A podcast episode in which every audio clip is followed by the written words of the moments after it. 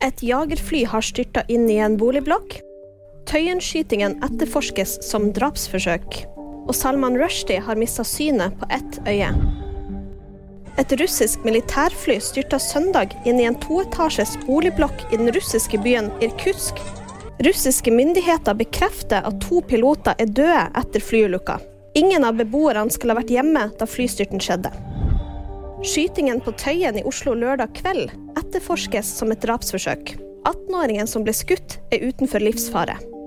Politiet fikk melding om skytingen som skjedde i området rundt Tøyen torg sent lørdag kveld. Søndag ettermiddag var fortsatt ingen pågrepet. Forfatteren Salman Rushdie har mista synet på ett øye og kan ikke bruke en hånd som følge av nerveskader. Det skriver den spanske avisen El Pais. Rushdie, som er mest kjent for boken 'Sataniske vers', ble påført flere alvorlige knivstikk i forbindelse med en forelesning i New York i august. Og VG-nyheter, det fikk du av meg, Live Auskar.